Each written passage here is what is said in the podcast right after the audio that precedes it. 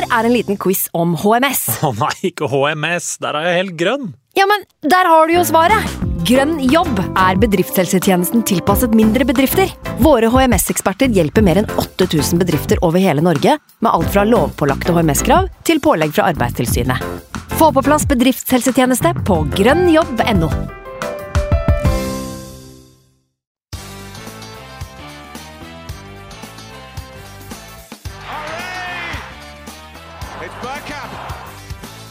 for grabs!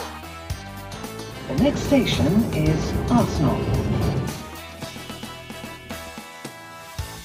Velkommen skal du være til en splitter ny episode med Arsenal Station med Magnus Johansen og meg, Simen Goffeng. Det er mandag, det er mai, og dermed også skjønne, milde Arsenal tilbake. Og etter en eh, SoMe-boikott eh, gjennom helga, Magnus, så er også vi tilbake. Eh, Hvordan går det med deg? Det er deilig med mandag, må si det. Det er sjelden påstand fra min side, men det er bare det at eh, det har vært uh, daueste helga noensinne. veldig kjipt. Uh, helg, også Arsenal-kampen var grei, da, men uh, det var ikke noe SoMe. Storkampen United-Liverpool ble, ble avlyst. Uh, det, var, det er fortsatt pandemi, selvfølgelig, så det, det er ingenting som skjer. Det var 1. mai på lørdag, så det var ingenting som var åpent heller. da. Så det var jo det var jo liksom pandemien oppsummert, da. Eh, et par dager. Og det var litt deilig å jobbe igjen i dag, syns jeg. Eh, Oi. Og så litt eh, Ja, det Jeg er alvorlig bekymra for deg, egentlig. Men eh, Jeg tror sjefen min av og til hører på, så jeg, jeg er nødt til å bare holde, holde standard. Men eh, sånn, sånn ellers så så er det jo deilig å gå inn i en semifinaleuke igjen òg. Så det er deilig med mandag i dag. Jeg vet ikke om du deler ja. den følelsen? Altså, jeg er jo ikke så mye avhengig, da, hvis man kan kalle det som du er. Har vel eh, i langt større grad klart meg uten det opp igjennom. Og selv om vi driver en podkast her, og jeg selvfølgelig må følge med litt, så har ikke jeg merka så mye til det. Jeg har liksom ikke det derre inn på Twitter en gang i timen og oppdater. eh, rutina helt innarbeida, rett og slett. da. Så, men det er klart, 1. mai det, det var jo mye av i nabolaget rundt her. Det var jo ungdomsgjenger over en lav sko som var ute og drakk eller sto på veranda rundt omkring. Så det var nesten så du fikk lyst til å hive deg med, rett og slett. Lenge siden hatt en sånn type fest, men det er klart det er vel fortsatt i grenseland for hva som er lovlig. Så da får man heller eh, vente litt til. Håpe at det blir en ordentlig cupfinalefest, rett og slett, når vi nærmer oss slutten av denne måneden. Og som du er inne på, det er jo en uh, viktig uke i så måte. Det er mye som, uh, mye som skal bygges opp til mot torsdag. Vi skal vel bruke litt, uh, litt tid i dag også på å snakke om både det som skjedde forrige torsdag, som vi selvfølgelig kan plukke fra hverandre og si mye om, men også prøve å ha litt, litt positivt fokus kanskje inn mot torsdag og se hvilke muligheter som ligger der. Så var det jo kamp, da, ikke minst i, i helga. Søndag kveld. Søndag ettermiddag var det vel muligens også. Eh, Det er vel kanskje et av de største parentesene jeg har eh, måte gått og kjent på når det kommer til Premier League-kamper på ganske lenge. Det var ikke mye jeg hadde bygd opp av spenning før den kampen mot Newcastle, altså. Og klart når man ser lagoppstillinga og tenker at her er Martinelli på fra start, Aubameyang er med fra start etter en lang periode, så, så får man jo lyst til å se den, og jeg gjør jo det. Men eh, det var en skikkelig sånn Nei, dette her, det får bare gå som det går. Så jeg er jo veldig glad at det endte med både Aubameyang-skåring og holdt nullen, og det var jo faktisk noen positive ting å ta med seg fra det, da. Men eh, det er jo trist at vi nå Det var den femte siste kampen før sesongslutt. Bare trekker på skulderen. Det er, det er der vi er, liksom. Det er din eller tiendeplass som, som er eh, det vi driver og har i fokus eh, sportslig sett i ligaen, da. Og da, da er det kanskje vanskelig å engasjere seg. Men du Men, har sett eh, kamp, eller? Bare for å ha det på det rene? Ja, selvfølgelig. Eh, man gjør jo det. Eh, så fremst det ikke er begravelse eller bryllup, så ser en jo kamp. Eh, og det var eh, Det var eh, liksom litt sånn eh, interessant det du sier der med, med at man går inn i, i kampmodus uh, uten å kanskje bry seg all verden. fordi at det står ikke så mye på spill, og det, det er ikke på en måte den nerven inn. da. Um, men det, det vet man egentlig aldri helt. For at noen ganger så serverer Arsenal, uh, for så vidt ikke bare Arsenal, men andre, en, en fotballkamp kan servere et drama som gjør at du 90 minutter etterpå må ta en dusj da, og kanskje koste noen glasskår i et sånt eh, søppelbrett. For det, jeg husker jo godt helt i starten jeg var sammen med samboeren min. Eh, Dette er vel da en sju-åtte år siden må være. Så hadde jo hun Hva skal jeg si? Hun hadde ikke latt seg imponere over oppførselen min under kamp. Eh, Jeg syns det ble litt mye hiving av gjenstander og litt mye bannskap og ukvemsord. Og så skulle vi spille en uh, ligacupmatch, var det vel, mot Reading. Åh, Og ikke en hvilken sa- som helst eh, ligacupmatch, med andre ord, da. Det var det det var. da. Det var en hvilken som helst liga, ligacupmatch, egentlig. Det, følte, det var jo det vi tenkte i forhånd. Så jeg sa til, Ja. jeg sa til hun at uh, i kveld så blir det en helt rolig aften her. Her kan, uh, nå kan du tenne noen lys og Nå har vi på litt fotball i bakgrunnen, kanskje. Finn en fin blåmuggost og litt Ritz og sett, dekk bordet, nå så blir det koselig her. Var dette på et tidspunkt det. hvor de liksom skulle prøve å dra, dra hun litt over målstreken, rett og slett, eller? Ja, altså det er jo alltid et sted på et så tidlig eh, stadie. Så, så, så er det jo den fasen at eh, en eh, rasering av bolig kan føre til at du ikke får bo der lenger.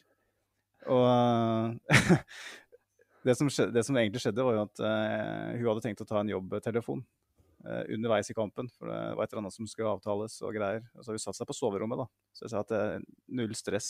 Jeg kommer ikke til å rope eller noe som helst. Hvorfor skulle du det? Ikke sant? Og når det var det Walcott eller, som satte inn 4-4, det var en scoring av Jenkins som trodde han Mm, hadde satt-. Og da løper jeg, vet du, og da, da flekka jeg med buksa og bare kaster den i baderomsdøra, som er ved siden av, uh, siden av soverommet der hun sitter, og bare dundrer i døra liksom, og bare roper 'jeg er helt apekatt'. Så hun bare kommer ut og bare Du skulle sett det ansiktsuttrykket, de øya. Det var Altså, hun trodde nok at, uh, at nå, nå var det over for meg. Nå har det bikka, så nå er det bare å få inn noen menn i hvite frakker der, eller kvinner for den saks skyld, og et helikopter og hurtig transport inn til et eller annet sykehus. For det, her, her har det bikka. Altså, når, selv ikke, når selv ikke Psykose-Magnus klarer å skremme kona di, dama di, av gårde, så, så tenker jeg at dette her er det stødigste forholdet jeg har hørt om, faktisk. Og så syns jeg det Det er er verdt å nevne at det er hun som velger å ta den jobbtelefonen i første omgang. Det er jo dårlig valg. Og jeg velger at det er, det er riktig å melde kritikk mot det, da. Ja, det kan du godt si. Men uh, på det tidspunktet så visste han nok ikke bedre, og det, det er greit også. Det var, det var en av de første kampene hvor jeg i forkant uh, lovde på tro og ære at jeg skulle ta det rolig. Men som du, altså jeg tror jeg alle som hører på, som er uh, over snittet engasjert, og det vil jeg tro de fleste er som hører på, og ikke minst deg, Simen, at når, når det blir et sånt drama, da mister du det litt, Mm. uansett. Mm. Hadde vi, hadde vi kommet inn i 0-4 altså Det hadde jo vært noe litt sånn symbolsk med akkurat det, da, hvis vi hadde kommet inn i 0-4 mot Newcastle i, i, i går, og så hadde klart å komme tilbake til 4-4. Så hadde, hadde det nok vært en hund på ski òg som hadde bjeffa. Da tenker jeg, da tenker jeg på ølhunden. Simen. Ja, det skal sies at Henry faktisk er litt ølhund, altså. Han eh, er borte og slikker litt på den uh, boksen i ny og ne, altså. Oppfører seg deretter. Nei, det er sånn, Alle husker hvor de var når Arsenal spilte mot Reading i når var det, 2012 eller noe. Jeg også kan huske det. Det var ikke med noe romantisk eh, samkvem. altså Det var en, eh, hos en studiekompis da jeg studerte. Så det var kanskje den eneste kampen jeg så på TV omtrent med han, bortsett fra når vi dro til München og så den eh, der nede. da. Det var eh, Hvis Martin hører på, får du bare drømme deg tilbake. Det var fine, fine opplevelser begge to, det. Men Ja, du- Magnus, la oss ja. eh, snakke litt om kampen, da. Eh, jeg, nevnte jeg kanskje to av de viktigste overskriftene fra den. Martinelli og Aubameyang, som er tilbake. Så er det vel verdt å Mm. nevne at David Louise også eh, var tilbake. Eh, andre åpenbare ting du bet deg merke før eh, kampstart her? Nei, det var jo interessant uh, for så vidt at Aubameyang, som du sier, starta. Uh, vi var litt usikre på, på formen hans, ettersom han bare fikk fem minutter eller hva det var, mot uh, Villarreal. Uh, interessant at Granit Xhaka fortsette på venstrebekken. Mm. Uh, det, han er jo helt eh, Hva skal jeg si? Ja, det er ingenting som uh, virker på han. Uh, han spiller jo hver eneste match. Han spiller 90 minutter. Og til og med når han var i ferd med å ta inn Ceballos der og Ja. hadde seg et, sitt andre Jeg var sikker på at han fikk det andre gule der. så får han fortsette, da. Så eh, jeg vet ikke helt om jeg tenker, syns det er riktig, men det er jo helt tydelig at Arteta setter Sjaka kanskje høyere enn noen annen i den Mm. stallen her. Jeg tenker jo foruten noen ganske kjipe greier med Sjaka, så, så er det vel ikke mye annet å gjøre etter hvert enn å bare ha ekstremt mye respekt for det den uh, fotballspilleren uh, får til. For det er uh, selvfølgelig noen hodemister iblant, og hvor det går altfor fort rundt den. Men, men den profesjonaliteten han ofte viser, da, altså å bli satt ned på venstrebekk der og, og måtte ta et helt annet ansvar enn det han selvfølgelig heller eh, skulle ønske å kunne gjøre. Og der andre selvfølgelig er ute og melder at her er ikke noen planer om å gjøre en, en jobb for laget omtrent. Hvis det går an å overføre til den uh, forståelsen der, så, så sier jo Chaka at dette her gjør jeg hvis laget trenger det. Og jeg må jo si at uh, etter det var vel den hjemmekampen mot Burnley da, hvor han fikk det røde kortet. og Jeg husker at jeg var ekstremt pissed og tenkte at dette her er det bare å få vekk, egentlig. Ikke noe unnskyldning kom på trappen eller noen ting. Altså so me-unnskyldning, da, vel å merke. Vi får vel anta at han sa noen velvalgte ord innad i garderoben, kanskje, og så har han jo da i tida etter det egentlig vist eh, kanskje noe av den jevneste formen vi har sett i klubben, rett og slett. Eh, vet ikke om det er sånn at man burde faktisk eh, snakke Chaka enda litt mer opp enn det man gjør. Igjen, han gjør jo kanskje ikke de store store opptredenene, men det er en stabilitet der, og han leverer bare i kraft av å alltid være på banen da, og være tilgjengelig. Eh, Syns jo at eh, jeg helst ikke vil se han på venstrebekk. Jeg vil jo heller se han i tospann med Partey. Men, eh, men at også på venstrebekk så kommer han faktisk fra det med æren i behold. Da. Så, Definitivt. Kudos. Og så sier det kanskje litt om Cedric sin fallende status hos Arteta. Jeg trodde jo kanskje også han var litt innafor når han hadde noen gode opptredener, men nå får han jo verken være backup til backupen på høyre eller venstrebekk. Og da er det vel vanskelig å begynne å se for seg hvorfor vi driver og betaler han 70 000-80 000 pund i uka. Men vi Hadde tar vi tar ikke den, da. eh, hadde vi, like, hadde vi rett likevel, Simen? Eh, vi hadde jo spist litt sånn ydmykelsespai, for å oversette det til norsk. eh, Fordi at vi har sett at den Cedric-signeringa kanskje ikke var så dum allikevel. Men uh, litt, litt, jeg vet ikke hva som ligger bak det, men det er litt spesielt at han ikke får Altså sånn som mot, uh, mot um, Villarreal på torsdag, så var det kanskje det mest naturlige valget når Ceballos eh, la inn søknad om eh, rød kort eh, et par ganger der. eh, og ta ut han, kjøre Cedric inn på bekken og Party opp på, på midten. Men det kom ikke på tale. Og vi skal vel ta den Villarreal-kampen etterpå, men det er litt sånn Det virker som det er et eller annet som har skjedd eh, her, da. Kanskje er han bare i råtten form da, og presterer dårlig på trening. Eh, Det er vel kanskje det som er mest nærliggende å tro. Ja. Jeg vet ikke, Han virker som en proff fyr og sånn. Så... Ja, gjør det, og nå hadde jo kommet seg inn i landslagstroppen til Portugal her og i forrige landslagssamling. Jeg liksom- klarer liksom ikke å se at det er helt forenlig med at han plutselig legger ned hansken igjen og tenker at nei, nå, nå legger jeg meg tilbake. Så igjen, jeg syns jo det tidvis har vært vanskelig å helt forstå når Arteta måte velger altså I hvert fall fra utsiden så ser det ut som han velger seg litt sånn perioder på ulike spillere. At nå skal du få en del spilletid, litt sånn uavhengig av prestasjon. Og nå skal du få veldig lite spilletid, uavhengig av prestasjon. Mm. Og uten at Cedric har vært banebrytende og fantastisk, så følte jo i hvert fall jeg, og vi var vel egentlig enige om det, at han hadde en del ålreite opptredener eh, hvor, hvor han leverte stabilt. da. Og kanskje også bød på litt eh, mer enn det Behrin på det tidspunktet gjorde på høyrebekken. Så nei, litt vanskelig å forstå den. Men vi trenger ikke å bruke så mye tid på Cedric her nå. Gjør ikke det. Nei. Vi, gjelder kampen på, på søndag, da, så eh, var det jo en veldig sånn eh, kontrollert opptreden. Litt sånn jeg ser for meg at Ariteta ønsker at vi skal fremstå. Eh, Det er vel det som er i ferd med å være en litt sånn erkjennelse hos mange, at eh, at den Arteta-fotballen, i den grad det er noe vi kan eh, kjenne igjen, er en hva skal jeg si, ja, en litt dårligere versjon av Guardiola-fotballen. Det skal være kontroll. Eh, Spillestilmessig kan vi diskutere i vide og brede, men det, er liksom, det handler om å, å kontrollere eh, det meste ut av en fotballkamp. Eh, gjerne med å stå og trille den kula og vente på, vente på åpningen i stedet for å spille ballen fra seg med å ta større risiko.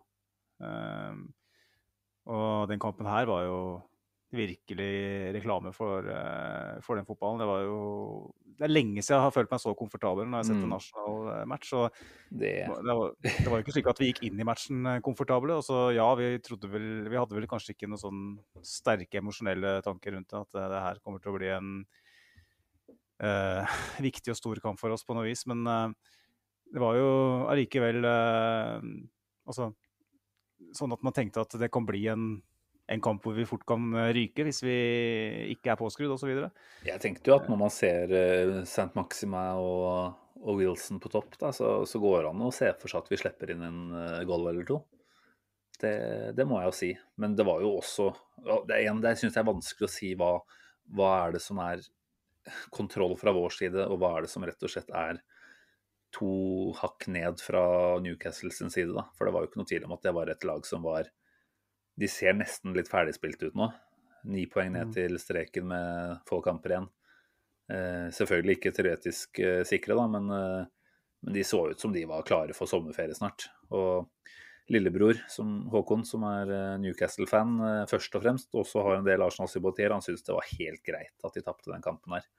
Og det, det syns jeg det så ut som de fleste Newcastle-spillerne var enig med ham i. Det var ikke så farlig.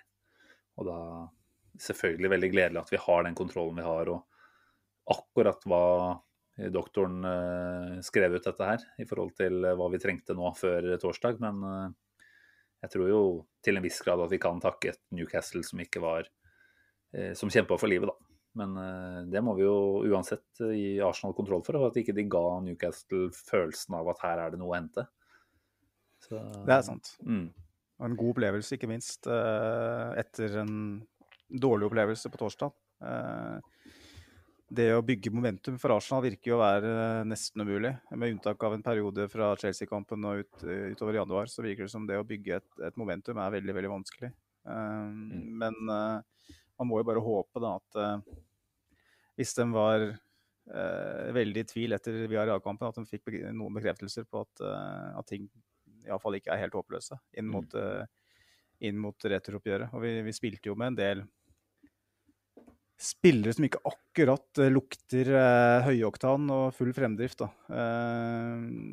så ja, vi vil jo kanskje få tilbake en del spillere, det vil vi åpenbart få, mot Villarreal, som hvor det er litt mer fremoverretta. Altså Ceballos og William f.eks. Det er to spillere som vel alle, de fleste er enige om at ikke passer inn eh, i den fotballen som vi i hvert fall ønsker å håpe, ønsker og håper at Arsenal skal spille. Eh, og vi bærer jo sterkt preg av at vi, at vi ikke har en sak av en Smith-Roe. Mm. Uh, Martinelli er jo den da som virkelig si altså, initierer noe. Da. Når du sier høyaktan, så kan du ikke ikke tenke på Martinelli. Og jeg syns jo det er bare å hylle han for den opptredenen han kom med her. Eh, har fått lite spilletid i det siste. Uforståelig litt, egentlig. I hvert fall når vi har hatt behov for noe ekstra fra, fra benk. Eh, viste vel at han ønsker å bli regna med i de siste kampene denne sesongen her det var eh, livlig. Og det var ikke kult å være høyre wingback på Newcastle eh, på søndag. Altså. Han fikk kjørt seg. Og det er den derre rett på. Bare velg høyre-venstre. Enten ned mot dørlinja og slå inn. Gjorde det fint det noen ganger. Trekk inn mot uh, høyre. Og han, han skøyt vel ikke fra den posisjonen, men i hvert fall fikk åpna opp, da. Og så, så får han jo en uh, kjempeassist på skåringen til Aubameyang. Jeg syns jo han hadde vel eh, sannsynligvis eh, banens beste prestasjon der. Jeg vet ikke om han fikk den, men eh, sånn her fra sofaen så tenkte jeg i hvert fall at Martinelli fortjente den. Og ja, igjen, kanskje ikke helt Artetas eh, favoritttype spiller. Eh, men han viser jo at eh, han bør ha en del minutter nå allerede på torsdag. Så får vi se om det er fra start eller eller eventuelt ved å komme inn, da. Men uh, vi kan jo snakke mer om den etter hvert, som sagt. Men uh, deilig å se han er så frisk og fin, da. Når han, uh, han har ikke hatt mye matching den, den sesongen her, rett og slett. Det er jo den belønninga du får da, for å være litt mer ambisiøs, eh, ikke fullt så økonomisk som det noen av de andre spillerne våre er, og gå litt mer rett på, så vil du skape større farligheter. Du vil selvfølgelig være mer sårbar, du vil ha en mindre grad av kontroll hvis du spiller eh, Altså hvis du mister ball i farlige soner osv. Men uh, liggende så høyt i banen som han faktisk gjorde, uh, mot en en høyre vingbekk som var svimmel, så mm. var det jo bare tidsspørsmål før han fikk uttelling på et eller annet vis. Og det er jo akkurat det her vi savner, ikke sant. Uh, vi har mange teknisk uh, sikre spillere, økonomiske spillere, som gjør ting enkelt, som gjør ting uh, relativt effektivt fra et perspektiv hvor det handler om å styre en fotballkamp. Men når det gjelder det å ta risiko, det å, å skape målsjanser, rett og slett, ved mm. å, å, å, bryte ut av mønsteret. Der er det Det er der skoen virkelig trykker på Arsenal, mm. Mm. i mine øyne. Uh, og når vi ser hvordan vi fremstår i enkelte kamper vi har vel, det, Hvor mange kamper er det Premier League vi ikke har scora? Det, det, hadde vi vel sist. Det er vel positivt antall kamper. Bare tolv, muligens. ikke sant? Ja. Og det, det er uh, åpenbart uh, av nettopp det her. Og det å ha da en Martinelli inn i laget, som kanskje da uh, hva skal jeg si, ja, ødelegger noen angrep da, med å ta litt feil valg osv. Men han vil på et eller annet, han vil skape noe. Han vil Si han får, får, kommer ned til linjen tre-fire-fem ganger. da. Den ene gangen så sitter han. Det er det vi trenger. ikke sant? Vi kan ikke ha bare spillere som uh, tar enkle og trygge valg. og det er, ikke, det er, ikke, det jeg sier at vi har heller, men det føles litt sånn innimellom. At vi, at vi mangler den, uh, den spillertypen. PP uh, har jo vært veldig mye inn og ut av laget. Mm. Og litt av de samme årsakene, vil jeg tro. Men når du har at Jeg mener jo at nesten en av de to bør nesten spille uansett. For å få, for å få den variabelen inn i laget, sånn mm. sånn som vi fremstår akkurat nå. Mm. Ja, det er et godt poeng, det. Og som jeg nevnte her i stad, den assisten han leverer, den er jo den er jo så elegant som du får det. Altså, Ødegaard skal vel også få litt ære for at han spiller en riktig pasning i forkant der. Jeg må jo si at Ødegaard kanskje i stor grad var det relativt usynlig i den kampen her. Jeg vet ikke om det var bare jeg som så det på den måten. Men uh, eh, syns han ble pakka godt inn og fikk liksom ikke gjort så mye annet enn å trille, trille ball rundt seg. Og så kan vel han ikke lastes for at det er William som uh, skal prøve å få gjort noe ut av det samspillet med han, da. Men, uh, men den pasninga i forkant av Aubameyang-skåringen, den var bra innlegget helt nydelig. Og avsløringa til Aubameyang, da, hvis vi skal kjapt fokus på, på kapteinen vår. Det var uh, akkurat det han trengte nå, etter en uh, lengre periode ute med malaria. Uh, sprek avslutning, hvis man kan si det sånn. Vel, det er vel noe vi har lurt litt på denne sesongen her. Hvor mye killerinstinkt og liksom hvor mye saft det er igjen eh, når det kommer til å være helt på den grensa eh, opp mot eh, avslutningsøyeblikkene. Og der var han akkurat der han skulle være, og gjør jo en relativt vanskelig avslutning, må man si. Det var en uh, akrobatisk, uh, godt tima uh, bevegelse. Og um, bra avslutning, rett og slett. Så apropos det med gode opplevelser så, mm. og momentum, så må jo det være et håp. Og når Teta da tar den av eh, noen minutter før slutt, så, så går Aubameyang av banen med en, forhåpentligvis en veldig god følelse, mm.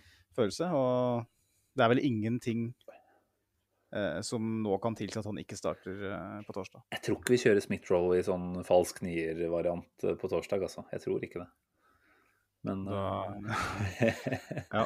vi, tar, vi tar igjen andre ting fra den kampen her, da. Jeg syns jo David Louise da, var jo tilbake etter eh, Han hadde vel faktisk en kneoperasjon, så må jo sies å ha vært jæskla effektiv på rehabiliteringsfronten da, når du kan spille igjen allerede. Eh, viste vel seg dessverre at det kanskje var litt for tidlig, og at det dukka opp en muskelskade der mot, det mot slutten, eller var det ganske tidlig andre omgang, kanskje. Eh, han viser jo at han er en stopper som kan by på litt andre ting enn det de andre stort sett, eh, og særlig da Rob Holding, da, som har den andre høyre stopperplassen, der var det rett og slett eh, stor forskjell. Det må vi kunne si. Når eh, du ser David Louise med enkelhet slår den ballen i bakrom til Behrin i forkant av Elneni sitt mål. Verdt å nevne at Elneni skåret sitt første Premier League-mål òg, forresten, så all ære der. Men uh, da tenker jeg at uh, Louise viser uh, dessverre da, hvor sårt savnet han er, har vært, og sannsynligvis nå kommer til å være resten av sesongen. Hva, hva, tenker du det sier både om han og om resten av stopperstallen vår? Nei, du har jo sett at Bernt Leno har slått veldig mye langt den uh, siste tida. Uh, når Louise har vært ute, så har det blitt pumpa en del mer enn det vi er vant til å se. Uh, og det er vel fordi at de, de spillerne vi har inne, ikke har, har den, den, egenskapen. Og nå er jo David, David Louise kanskje Han mangler jo da de egenskapene defensivt som vi til dels sårt savner. Altså den stabiliteten og den evnen til å være påskrudd og konsentrert i hver, hver eneste uke. Men fra et offensivt perspektiv så er det ingen tvil uh, nå om at uh, David Louise er veldig, veldig viktig. Mm. Vi triller veldig mye ball i den bakre fireren. Vi ligger lavt og, og styrer, styrer, kamper. og den outballen som du får med David Ruiz, den har vi ikke med noen andre. Du ser jo at Rob Holding prøver. Han lykkes jo av og til, for all del, men uh, ofte så blir han for lang. Uh, ofte så går han utenfor, utenfor sidelinja når, når han prøver på de litt vanskeligere varianter. Samme med med Pablo Mari. Mm. Uh, Gabriel har jo vært litt hipp som happ hva han har fått til i, i den fasen. Men, mens David Ruiz han slår jo de Det handler ikke bare om, bare om teknikk og, og sånn, det handler jo om uh, et blikk for spillet. Eh, og David Louis har jo hatt mange gode gjennomspill, og du ser jo den han hadde mot, mot Beyer inn da, som, eh, i forkant av skåringa nå på, på søndagen. Uh, det er jo nettopp det vi, mm. vi har, har savna. Og man blir jo litt bekymra eh, for at eh, grunnen til at Ariteta har bedt Leno begynt å slå langt, er at man rett og slett mangler en mm. sånn spillertype i den bakre rekka. Og da må vi på en måte stride litt mot hans prinsipper da, i spillestilen, mm. fordi at vi rett og slett har manko på spillertyper. Og, og da igjen, da, eh, for å ta den litt lenger, da, da, står vi i en situasjon til sommeren hvor vi sannsynligvis må lete etter en kreativ høyrestopper, kanskje. Eh, hvis vi skal erstatte David Louis, med mindre han får en ny, nyhetsårskontrakt. Ja, men så viser han jo kanskje også at nå begynner alderen å ta han igjen, da. Nå er vel ikke første gang han har vært ute med skade denne sesongen her. Jeg vet ikke helt hva statistikken hans er på opptrener, men uh, føler jo ikke at uh, Han er vel 34, og det å liksom belage seg på å få vi, vi, kan vel håpe på at Saliba er tilbake da, og tar en eh, slags uh, backup-løsning der, men å belage seg på at Louise er førstevalget på stoppeplass uh, til neste år, det, det føles litt feil. Uh, så skal du selvfølgelig ikke utelukke det, med tanke på at det er vel begrensa muligheter for hvor mye vi kan investere på ulike plasser. Og da er kanskje det, det å gi en ny ettårskontrakt til Louise ikke helt utelukka. Det er vel kommet noen hvisking og tisking ut av klubben tidligere i sesongen på at det er noe Arteta og Edu vurderer. Og det er klart at Rob Holding har sine styrker, men i, i den offensive biten av spillet der, så, så, viser han jo at han står ganske godt tilbake for Louise. Da. Og når Arteta er, får vi tro, såpass sta i måten han ønsker at dette her skal se ut på Nå har han jo kanskje måttet gå litt på akkord med seg selv Eh, gjennom sesongen her og tatt hensyn som han helst ikke ville ta. Men, eh, men at han foretrekker en Louise-type der, det virker veldig, veldig tydelig. da. Så mm. Hvem, hvem, det eventuelt skulle vært, det får vi jo finne ut av. Nå var det jo Chambers som kom inn da, når eh, Louise måtte ut. Jeg tenkte jo først at wow, det var jo faktisk et ganske sprekt valg, men så ser jeg jo etter, etter å ha tatt en titt på benken igjen at Holding var jo ikke der, uten at jeg vet hvorfor. Vi har vel sjekka litt eh, og ikke klart å finne noe svar på det, så er det vel ingenting som tyder på at han ble eh, han ble hvilt. da, Han ble, var ikke ute med noe skade. Så, Han har jo spilt mye i det siste, og det er vel trolig han som stekker opp igjen på, på torsdag, enten med Marie eller Gabriel. da. Men, eh, men, det er klart, Chambers ja. er jo en fyr som vi har uh, i hvert fall tanker om at har en ekstra god kvalitet med den uh, pasningsfoten sin. Og kunne vært spennende å gitt han litt flere sjanser uh, på den høyre stoppeplassen, altså. Han har, jeg synes liksom eh, altså, Det du eventuelt uh, får med Chambers uh, offensivt, det mister du da i defensiv. Jeg syns Chambers på stopperplass uh, over tid kanskje har vist at han mangler lite grann. Da. Han, eh, ganske tidlig etter han kom inn mot Newcastle, så ruser han ut på Mustafi-vis og lager et digert uh, høl i forsvaret vårt. Jeg vet ikke om du husker situasjonen. Han bare ruser ut og bommer noe grenseløst. Så det er litt sånn han er litt Var det det sånn, som var rett eh, etter han kom på omtrent? ja, for all del, jeg skal ikke ta han for det, men det er litt sånn han, Det er en grunn til at han ikke øh, spilte stopper i, i Fulham når han var der på lån. Han, han ble ikke brukt som stopper i Arsenal heller. Han ble vel ikke brukt som stopper av Emery, han ble ikke, ble ikke brukt stopp, som stopper av Arteta. Han ble, at han Mm. kom inn som stopper nå, var fordi at han, det ikke var noen andre. Nei, det var Marie, da. Og da er det vel nærliggende å tenke at man ønska en høyre fot av der. Nettopp. Så Mm. jeg, jeg tror uh, Callum Chambers eh, som midtstopper, eh, det er backup eh, at best. eh. Mm. Eh, så vet selvfølgelig ikke jeg hva som blir kommunisert på treningsfeltet, men det er sånn jeg tolker det i hvert fall. Ja, nei, det, det er vel kanskje riktig å sende Chambers videre i sommer. Nå har han vel er det, Hva var det vi fant ut? To år igjen på kontrakten. Så, så det å cashe inn der også, det, det føles vel ikke feil nødvendigvis. Andre ting fra kampen som eh, er verdt å nevne? Eh, Jeg vet ikke. Nei, PP kom innpå. Saka Smith-Roe fikk jo hvile totalt, da. Det syns jeg er fint. Syns jo Saka kanskje har vist litt grann tegn nå i det siste på at han er eh, kanskje overspilt til en viss grad. Ja. Eh, så å faktisk gi han en ordentlig break, det tror jeg han har godt av. Eh, Bortsett fra det så var det jo som sagt et eh, parentes av en kamp, egentlig. Eh, men at vi da holder nullen med Matt Ryan, da, det, det er jo gledelig. Det var gledelig. Eh, Leno på benk. Vi skal innom Leno seinere i den eh, kampen her. Nei, ikke i kampen, men i poden her. Men jeg tenker at det får vi komme tilbake til i overgangsspalten.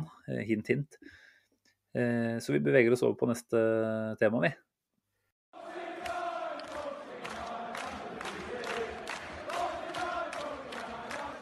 Wall Trafford 24.10.2004. Arsenal ranes på høylys dag og går glipp av muligheten for ligakamp nummer 50 på rad uten tap. I tunnelen etter kamp går det hardt for seg, og et spansk supertalent tar på seg jobben som pizzabud og serverer en feit slice i fjeset på den legendariske manageren. God pizza kan serveres på flere måter. Vi i Arsenal Station foretrekker å få den levert rykende fersk på døra fra Dominos. For hva er vel bedre enn å slå seg ned i sofaen med Arsenal-kamp og en deilig pizza med mengder av fyll og ost? Bestill din favoritt på dominos.no. Yes, vi, vi har en fotballkamp til å snakke litt om oss, som eh, har blitt spilt siden forrige gang vi var på lufta, Simen. Og eh, hvis vi var godt fornøyd etter eh, kampen mot eh, Newcastle, så var vi vel eh, desto mindre fornøyd etter det som foregikk mot Mr. Good Evening nede i Spania på torsdag. Hva sitter du igjen med etter den kvelden der? At det er eh, Jeg sitter igjen med Nils Arne Eggen på hjernebarken. It's hoping in a hanging snore. Eh, fy fader, vi var heldige. Eh, det er jo ikke noe annet å si enn det. Altså Slippe inn to mål der, og jeg tenker jo at egentlig allerede der så begynner dette oppgjøret å nærme seg avgjort, da. Arteta virka vel rett og slett litt desillusjonert, fikk jeg nesten følelse av. Han føltes ikke ut som han hadde helt kontroll over situasjonen, og evna jo ikke å ta grepene som jeg syns var helt åpenbare at man burde gjøre. Men eh, Nei, altså Villarreal er jo ikke et fantastisk lag, men de hadde jo stålkontroll. Vi hadde ingenting. Altså virkelig ingenting eh, i første omgang. Det var jo helt ekstremt å se at vi kan møte opp eh, på det viset der i en europeisk semifinale. Det er eh, fallitterklæring eh, i seg selv, egentlig. Og det sier jeg som en skikkelig pro Arteta-fyr, altså. Um, og så sitter jeg igjen med at uh, av alle, da, så var det vel kanskje Una Emery som ga oss en liv i livene her. Altså de har full kontroll når de går inn i garderoben til pause, og så gjør jo han i kjent stil da, et bytte. Et defensivt bytte. Og Mm. på det viset så gir de også vekk litt av den trusselen som, eh, som virker å ha paralysert Arsenal gjennom førsteomgangen. Og vi, vi får oss jo på et eller annet merkverdig vis tilbake i det oppgjøret her. Eh, straffesituasjon syns jeg vi er heldige med, det må jeg si. Eh, det var kanskje før, eller var det etter det røde kortet? Eh, til, hva tenker du da? Ceballos sitt? ja. Ceballos sitt røde kort kom vel før uh, straffesituasjonen. Ja, så 0-2 med, med mannen utvist, Ikke så sant.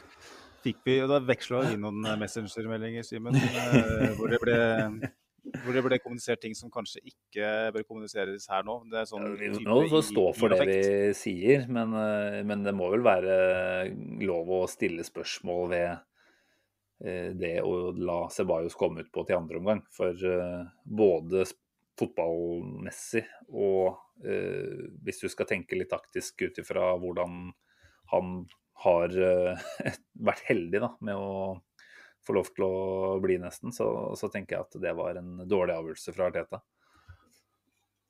Ja, det var jo pinlig, pinlig og åpenbart uh, for uh, alle som så på kampen uh, fra sofaen, at Dani Ceballos eh, var nært ved å få det andre gule. Han eh, kom på i andre, og da lurte vi på hvorfor det. Og så hadde han vel en forseelse til etter pause, før det røde kortet, og da var det sånn hvor vi satt og banka i sofarygger og bord, bordplater og sa at nå må du faen meg ta ut han fyren der før han får det andre gule.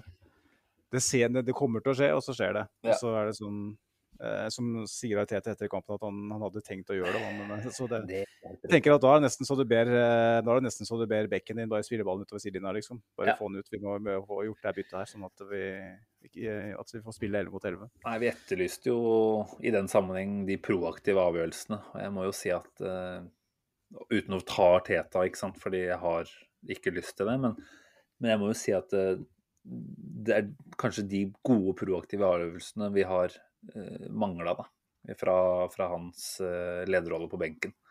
Det å, altså, vi tenker jo at han er en fantastisk fagmann, ikke sant. Og ønsker jo å tro at han er litt forutseende i forhold til at eh, han kjenner spillet kjempegodt og på en måte nesten burde kunne se for seg hva som kommer til å skje her, og ta avgjørelser før det kommer dit. da.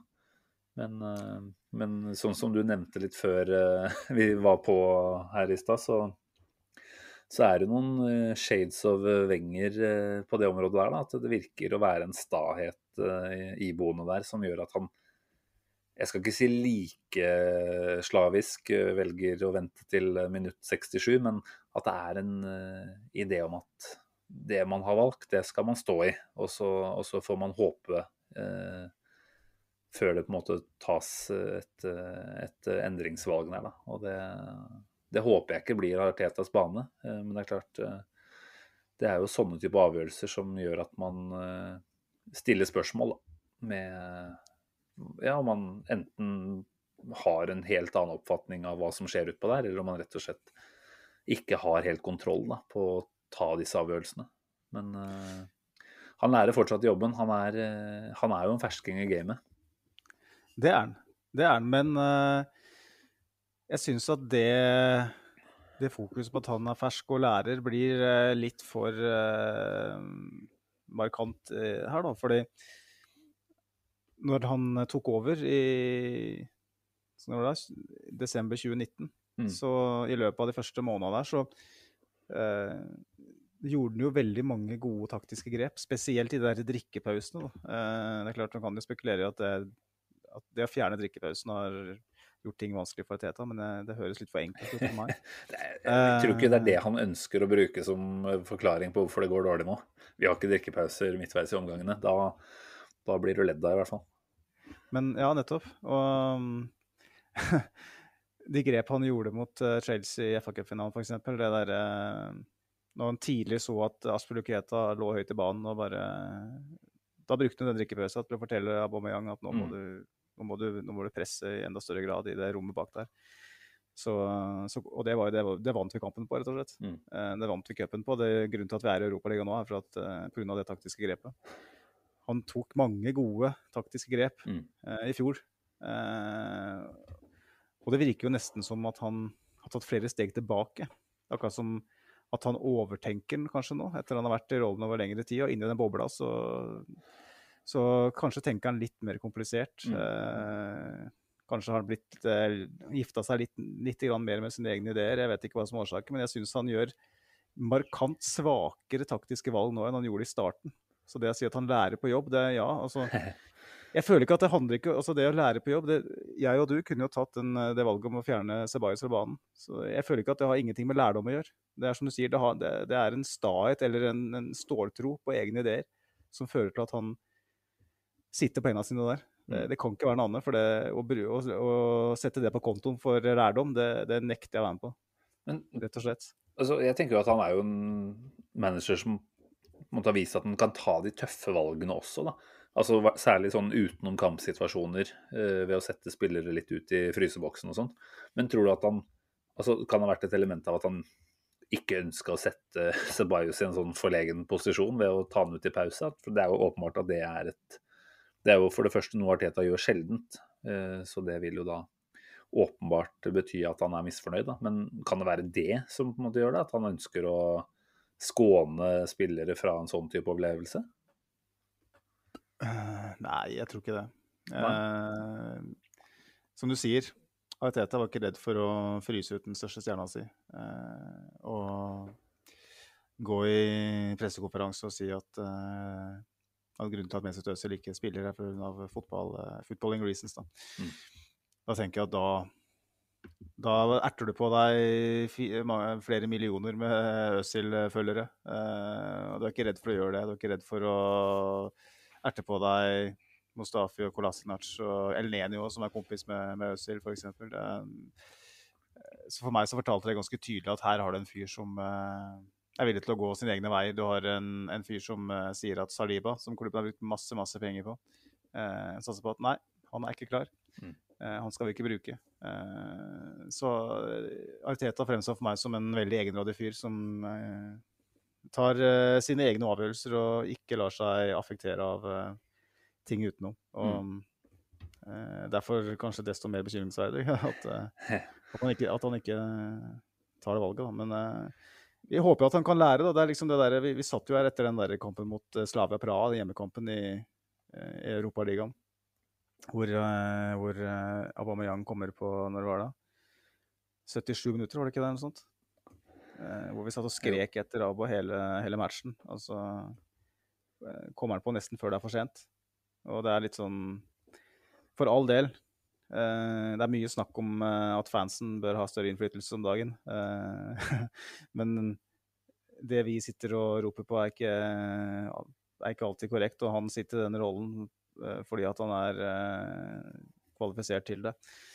Men det er, som du sier, Shades of Wenger her. Det er noen ganger hvor du bare tenker at nå, nå sitter nå, nå, nå, er du nesten i trassalderen her, liksom. Nå må du, nå må du ta det der valget. For hvis ikke så, så kommer denne skuta her til å drifte eh, stadig lenger ut mot uh, åpent vann. Og vi, vi har jo en eh, kamp på torsdag nå som gjerne kunne ha foregått eh, midt ute på Stillehavet uten noen form for å komme seg i land. Eh, hadde det ikke vært for at tilfeldighetene gikk vår vei. Uh, han har fått en ny sjanse, mm. og den sjansen, den, den, håper jeg at han griper. hva tror du, Simen? du som er ukuelig optimist. Tror du at det her ender med finale i, i Gdansk? Altså, i den derre pre via realpodden med Veland så sa jeg at jeg, jeg, holder Arsenal som favoritt om vi møter opp og gjør det vi kan. Og så gjorde vi jo definitivt ikke det da, i første kamp. Og på mange måter fortjener vi jo nesten å være ute av det etter den kampen der. Altså 3-0, eh, kanskje 3-1, da. Det ville vært eh, en tung vei å komme seg derfra. Men nå er det ett mål. Men jeg, jeg tror ikke det holder med ett mål, for jeg tror vi kommer til å slippe inn. Eh, så spørsmålet er jo skårer vi to til tre, da, eh, eller flere. Um, jeg sa det til deg tidligere her, at jeg, jeg tror fortsatt Arsenal tar dette her, altså. Um, så spiller det jo en veldig stor rolle, tenker jeg, hvem som skal utpå og gjøre jobben. Tar du for gitt at uh, Aubameyang er tilbake nå uh, fra start? Uh, Smith-Roll og Saka eh, spares totalt, som sagt, tidligere. Og da, da, tenker jeg vel at den rekka bak Aubameyang kanskje eh, gir seg selv. spørsmålet er jo om en Ødegaard eller Smith-Roll kanskje også kunne ha tatt en posisjon litt dypere på banen og heller gjort rom for Martinelli på venstre. Eh, Ceballos er ute. Chaka må vel nesten bare anta kommer til å bekle den venstrebekken nok en gang eh, på torsdag som kommer.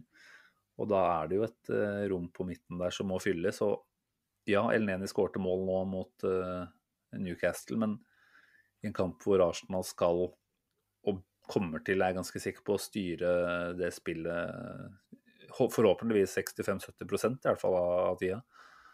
Er det Elneni som skal ligge der da? Eh, eller burde vi f.eks. sette opp en 4-3-3-løsning med Partey som eh, dyptliggende og Smith-Roll og Ødegaard på hver sin side? Det har vært noe man har snakket om en stund, og kan jo hende at det kunne vært en kamp å, å prøve det ut i. Men uh, hva, hva, som gjøres av, av uh, førsteelveruttak og sånn, det føler jeg er en vanskelig uh, oppgave å, gjette på altså når eh, Arteta er manager. Der får vi oss ofte en overraskelse. Um, mm. Men uh, det er vel ikke kampen å prøve noe nytt i Det var jo tydeligvis det den første semien, da. Det var det, og det straffa seg jo, vil jeg påstå. Det er helt uh, merkelig å Men ja, opp, apropos overtenking, altså å velge en sånn type løsning Altså jeg, trodde, jeg, var 100 sikker på at det var PP som skulle starte på topp og Smith-Roe til venstre. Og så når det viste seg at det var en sånn falsk nier-variant uh, à la City uh, han gikk for der, så ble jeg overraska, jeg må si det. han prøvde vel uh, å overrumple Emery, som han vet er en, først og fremst er en taktiker. Mm. og igjen, altså, i den grad vi kan si at han er en Guardiola-elev, så er, det, er, det, det Guardiola har brent seg på i, i Champions League eh, en del mm. ganger nå. At han mm. har prøvd noe nytt i de kampene for å eh, hva skal jeg si, ja, eh, ta innersvingen på motstanderen, i mm. stedet for å tenke at det han har eh, vært så sta på og bygd på over tid, er faktisk bedre enn en motstanderen kan ha. Og jeg tenker at ja, nå skal ikke jeg ta ut laget, heldigvis, men jeg føler at, at, han bør kanskje velge noe, noe litt trygt. Da. Du velger ikke trygt i den forstand at vi skal ligge defensivt, men at, trygt i den forstand at du vet at det kan funke. Du har funka før. Sjaka mm. Party på midten mm. har funka. Det er det som har funka best. Eh, kjør Cedric da, som venstreback, sjøl om han ikke eh, hva skal jeg si, er ren venstreback, så er han iallfall en back. Eh, så får du iallfall Sjaka opp på midten. Det er det mm. det handler ut om her. Mm. Så kjører du eh, Saka. En, også enten Smith-Roe og Ødegaard, eh, og så PP på venstre. For PP har vært mm. dritgod i Europaligaen. Mm. Rett og slett, Han fortjener rett og slett å starte fotballkampen der. Jeg, altså. eh, jeg blir litt skuffa rett og slett eh, på hans vegne hvis han blir benka her, ettersom han ikke starter mot Newcastle heller. Mm. Han er den som eh, lukter mest mål av alle nå, eh, og det er mål vi trenger. vi trenger sannsynligvis tre mål for å gå videre. Hm, og um, da tenker jeg da, da kjører du PP og Aubameyang, begge to. to. De to spillere som er mest målfarlige. Mm. Så har du muligheten til å velge et mer økonomisk eh, alternativ fra benken eh, i enten Ødegaard eller eh, Smith-Roe. Jeg tror vel at Arteta, hvis Arteta går for noe sånt, så tror jeg det er Ødegaard som starter. Jeg tror Ødegaard er hans go to guy. Det virker som det er han han ønsker, virkelig ønsker å, å bygge laget ut mm. offensivt. Uh, Smith Joe blir flytta litt rundt omkring. Nå ble han plutselig brukt som falsk nier. Han har blitt brukt som venstrekant, høyrekant, offensiv midtbanespiller. Uh, mens Ødegaard han stort sett spiller alltid uh, en sentral rolle. Mm. Det forteller meg at han, han starter nok uansett. Uh, så det blir spennende å se. Altså. Han har litt, og det er et, heldigvis et luksusproblem. Martinelli meldte seg på i kampen nå. jeg tenker jo at han bør være et alternativ fra benken. Mm. Um, Så um, Ja, nei, altså, Det er, eh, ja, nei, en jeg, kabal. jeg sitter jo fortsatt og har en tanke om at Saka også kunne spilles uh, ned på venstre eh, bekk, altså. Og at man hadde PP på, på høyre kant med Smith-Rowe på venstre, da. Men uh, det er vel noe det virker som om uh, Arteta rett og slett har bestemt seg for at det ikke kommer til å skje. Eh, og det er vel kanskje også forståelig ut ifra posisjonering og, og defensive evner. Altså, han har klart seg, men det er jo åpenbart ikke der han har sin forse. Som venstreback mot Villarreal, så må du nok beregne på at det blir en del én-mot-én-situasjoner eh, defensivt òg, da. Og det, det kan være greit å skåne han for det, kanskje. Selv om farta og sånn sett ferdighetene på mange måter er der til å klare seg i en sånn duell, så tenker jeg vel at eh, Dessverre kanskje at Chaka har vist eh, såpass eh, Jeg syns han avslutta ganske solid, selv til tross for at han ble satt i mange vanskelige situasjoner mot uh, Chukwese. Så, så syns jeg at han, han stoppa han godt, altså. Og så Mm. virker det som om nå, nå også når Newcastle blir satt som venstrebekk, så, så kommer Arteta til å fortsette med det. Det føler jeg meg sikker på. Eh, men OK, vi får se. Det er noen mind games inne i bildet her. Jeg sa det jo til deg før første kamp. altså er det at Laka og Tierney f.eks. blir meldt klare omtrent fra Eller ikke, han sa ikke klare, men han sa de er in contention. Altså de er til de oppe til vurdering for om de er med eller ikke. Eh, spurte jeg deg om er dette mind games, så sa du da er vel det dårlig mind games og på en måte skulle potensielt avsløre det, da. Men eh, de var jo tydeligvis ikke klare. Og nå sa han vel egentlig at de ikke var eh, in contention foran eh, Newcastle i det hele tatt, da. Hva er det han holder på med her? Er det sånn at uh, Tierney plutselig er uh, oppe og går igjen, eller på torsdag, tenker du? Er det en sånn uh, skikkelig jinx uh, ute og går her nå? For det som ble sagt om Kieran Tierney, var jo at han egentlig skulle ha et inngrep. Som gjorde at han da var ute resten av sesongen. Etter alle solemerker.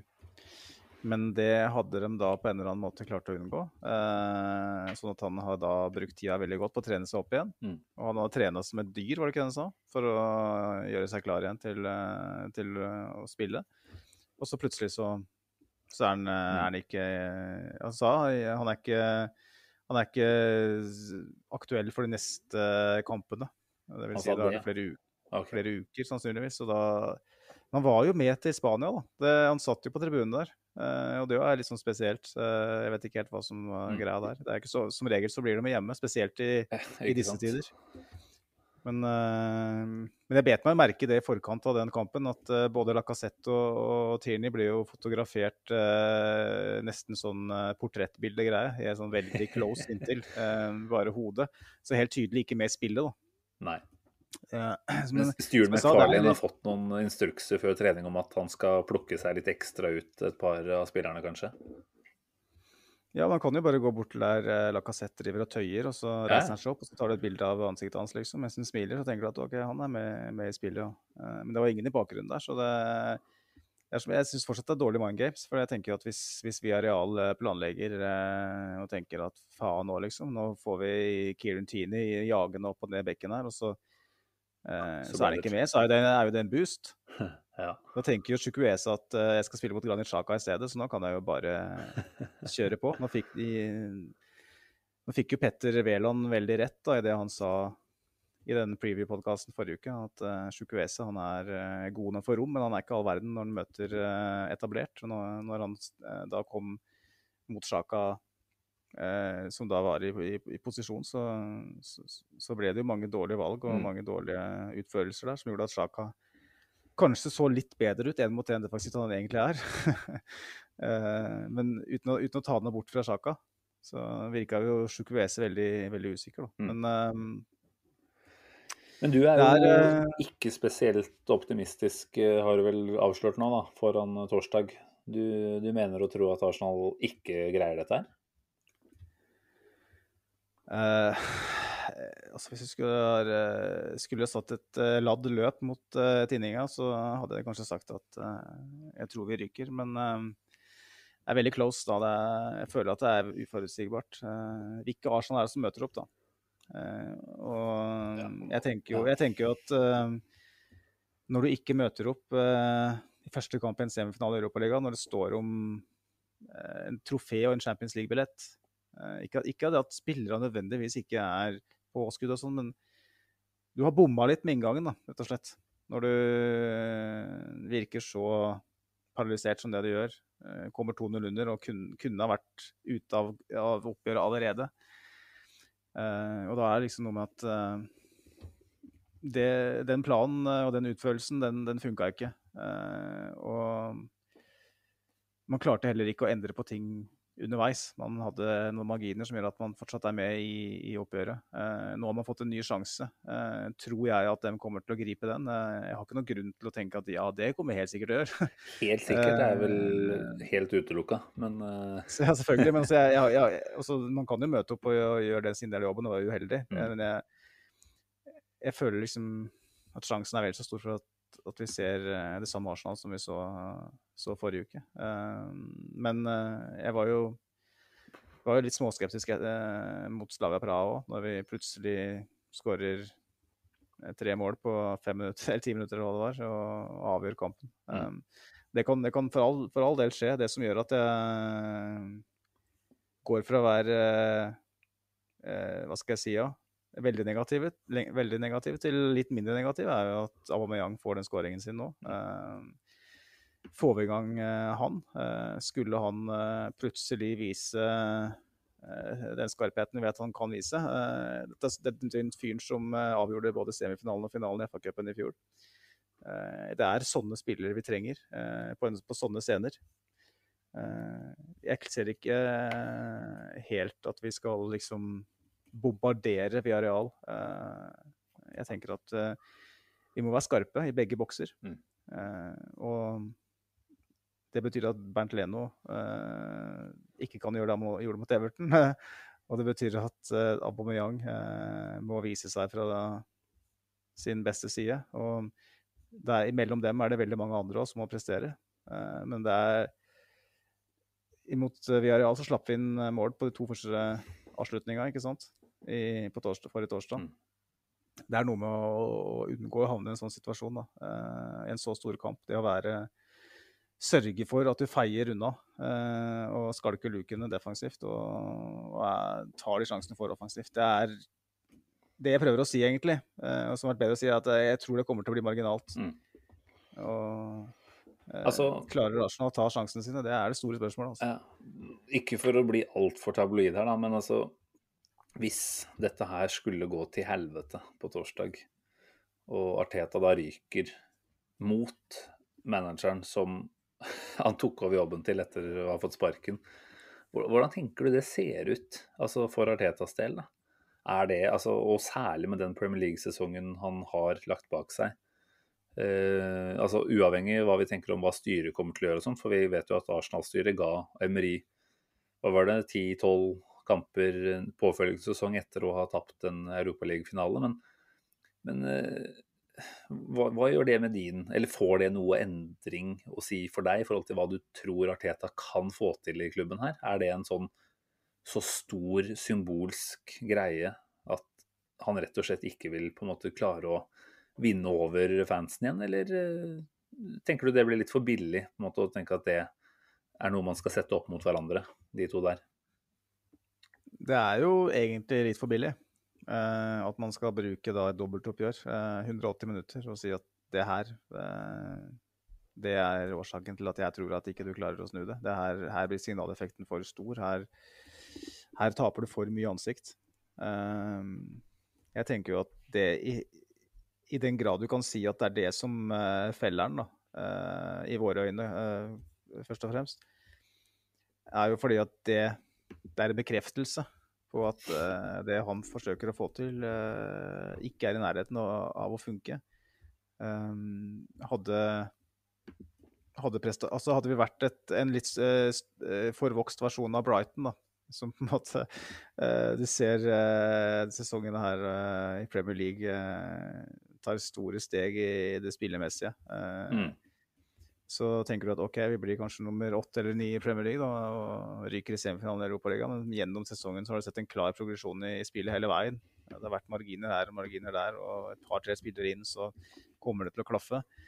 Mens jeg føler, føler jo at det heller eh, er mye mer usikkert. Eh, hva, hva det er vi Jeg syns det blir mer og mer utydelig, det som presteres. Eh, altså det spillemønsteret er ikke så enkelt å se lenger. Hva er det vi faktisk eh, prøver på, osv., osv. Og, og da eh, Hvis han ryker nå mot uh, Villarreal, så tenker jeg at han kommer til å sitte uansett, men uh, han ville få en veldig veldig mye større jobb med å, å overbevise omgivelsene om at han er, han er rett mann, og kanskje òg spillere som eventuelt Mm. vurderer å spille for klubben. Mm. Uh, så det er klart at signaleffekten er stor, men uh, hvis han ryker pga. det, så ryker han ikke pga. det. Han ryker pga.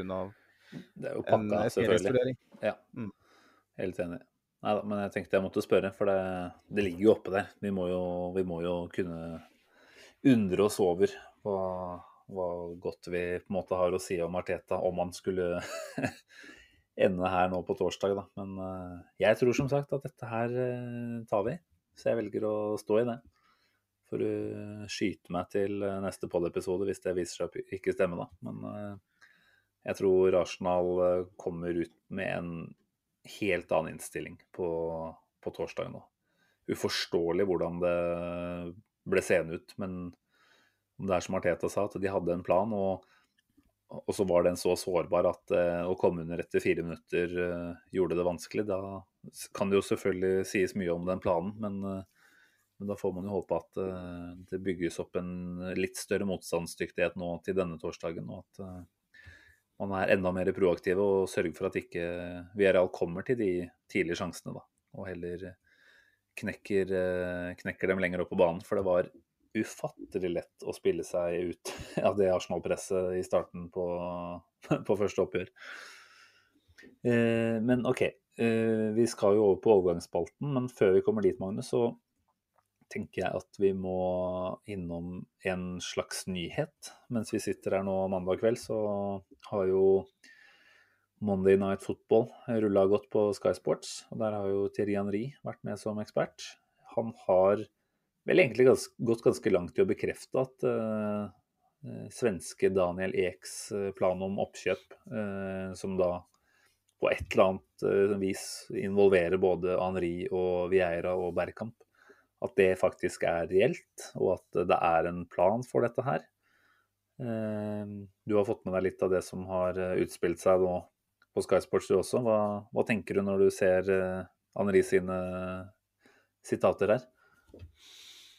Nei, Han sier jo mange av de tinga som eh, vi liker å høre her. Eh, at det er en eier som er eh, supporter av klubben, og som eh, ønsker å ha en større dialog med fansen, hvis han er så heldig å, å, å Mm. kunne kjøpe opp. Og at det handler litt om å finne tilbake til DNA-et, er vel det begrepet han brukte, eh, i, i Arsenal. Eh, og det er klart eh, Talk is cheap, som de sier. Eh, Enhver uh, enhver potensiell oppkjøper ville vel ha eh, uttalt at han ønsker å eh, ta Arsenal tilbake til eh, topps osv., ikke sant. Eh, men det fins Det er jo klare indisier som tilsier at Daniel Ek faktisk er en supporter. Ja, ja. Eh, og han får med seg de tre kanskje største Arsenal-spillerne i moderne tid eh, som eh, pådrivere for, eh, for det potensielle oppkjøpet her. Eh,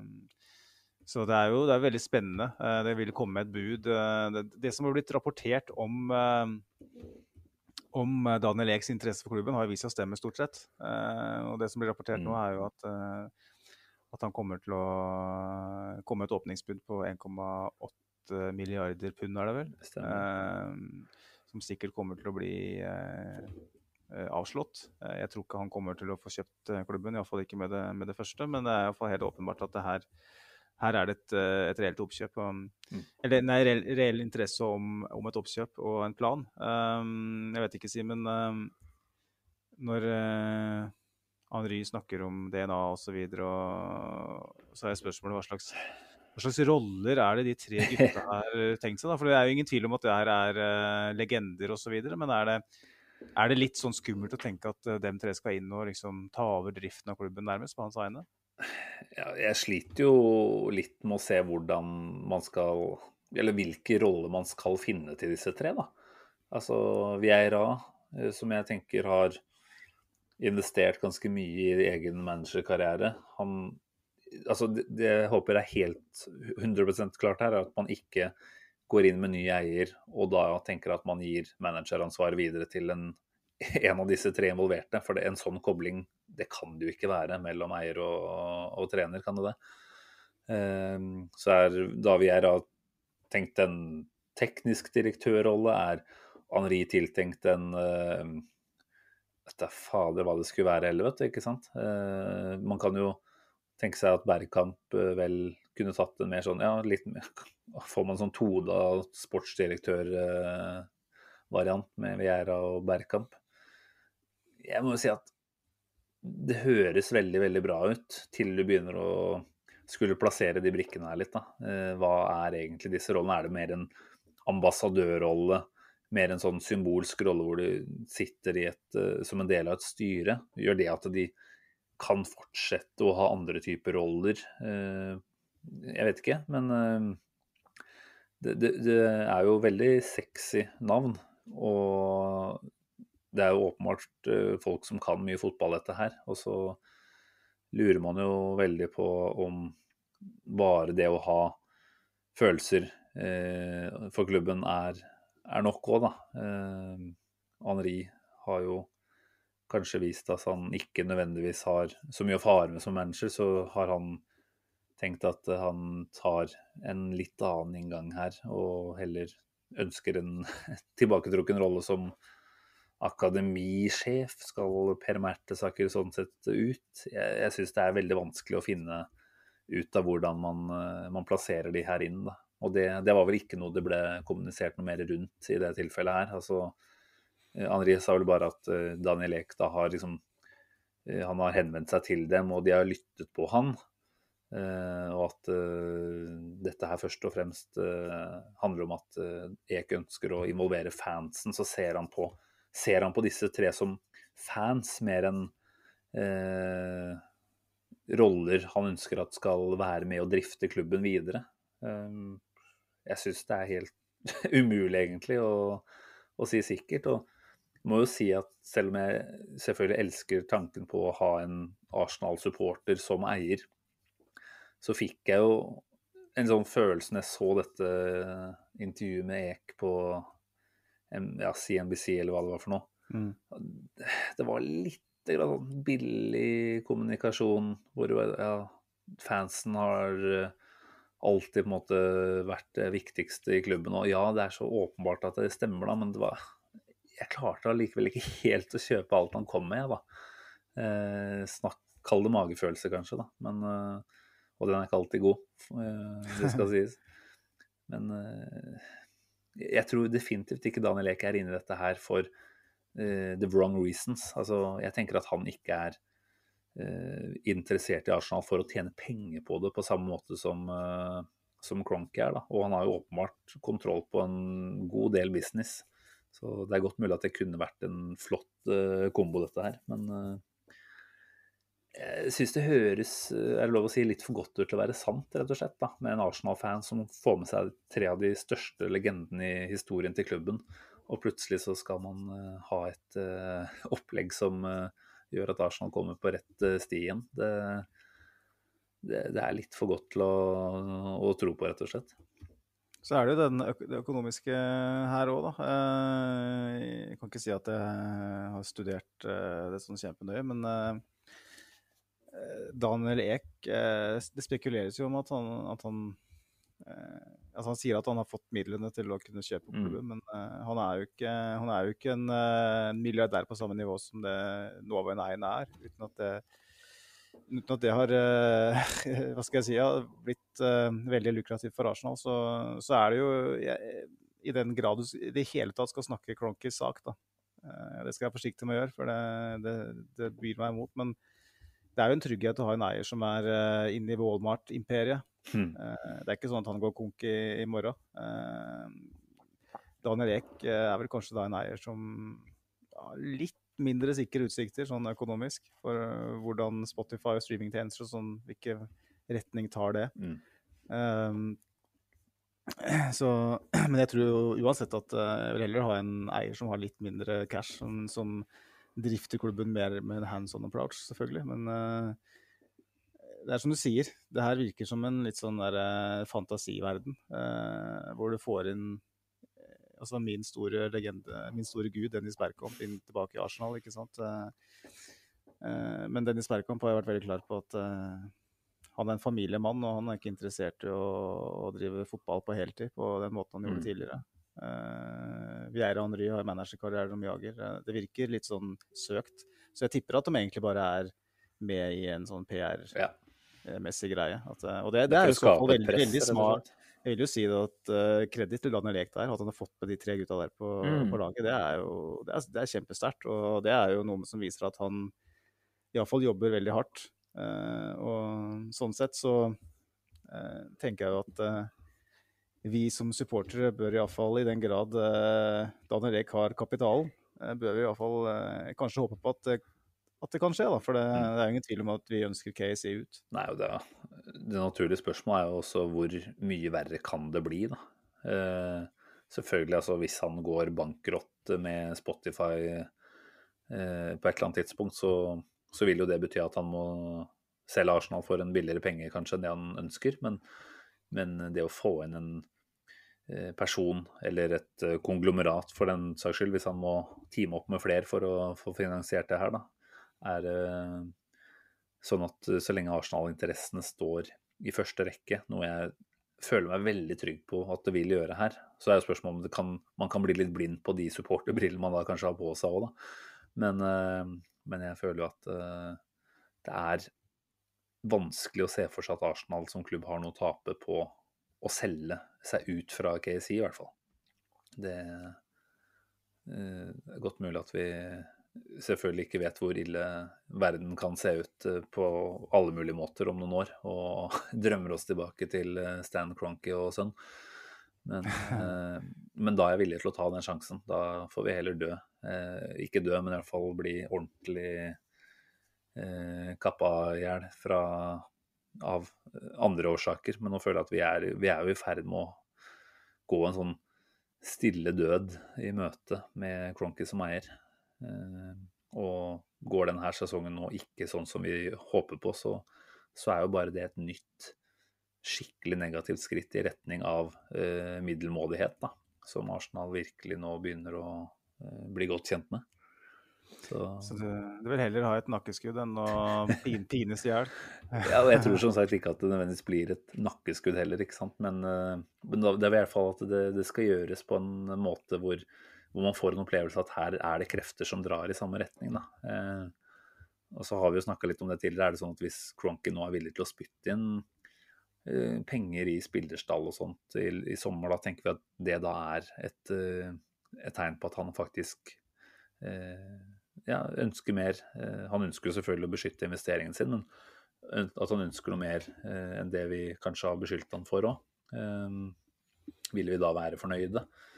Eh, kan det være at uansett da, at dette presset fra Daniel Ek er med å skape såpass mye fokus på Cronky at han i, i mindre grad våger å være like eh, stille og ja, bare sitte utenfor og følge med. Da. Nå har jo sønnen selvfølgelig tatt over uh, det executive ansvaret uh, i styrerommet og sånt, da. Men uh, jeg tenker at uansett hva vi får ut av det her, så har det i hvert fall satt søkelyset og vært med å sette enda mer søkelys på Cronky. Og det er i Altså, hvis man kan kalle det en god Arsenal-fan sånn, da, noe Daniel Ek har fått til der, bare ved å, å åpne kjeften. Ja, og um, det er jo det kanskje er best case scenario. At, uh, at fyren som sitter og leker med barten sin uh, nede i Statene Og da var vi vel inne på det etter episoden forrige gang, okay, Siven? At uh, jeg var skuffa på vegne av menn med bart. Jeg har et sånt inntrykk av at alle med bart er hyggelige. Solide, fine folk. Ja, alltid hyggelige folk. Hvis du har bart, da, da, da, er den, da, er du hel ved. Og så begynte vi å tenke litt etter. Ja, jeg vet om i hvert fall én som ikke er så hyggelig som har bart. Og så oi, der var det en til. Det var, til, ja.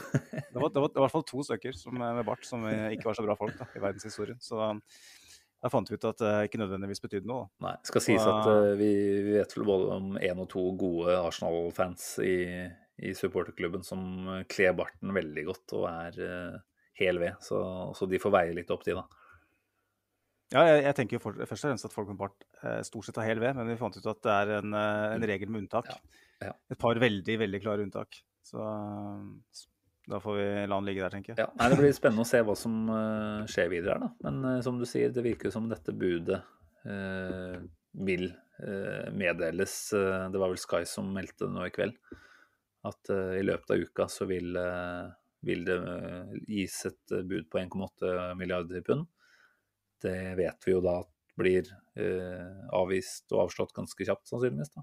Men altså hvordan funker en budrunde for en klubb kontra en budrunde for en fotballspiller, det, det veit jeg ikke så mye om. Altså. Hvordan eh, setter Cronky eh, og de seg i det hele tatt ned og tenker at dette er noe vi skal vurdere, eller er de så steile som de antyder at de kommer til å være, og bare nei, vi har ikke planer om å selge?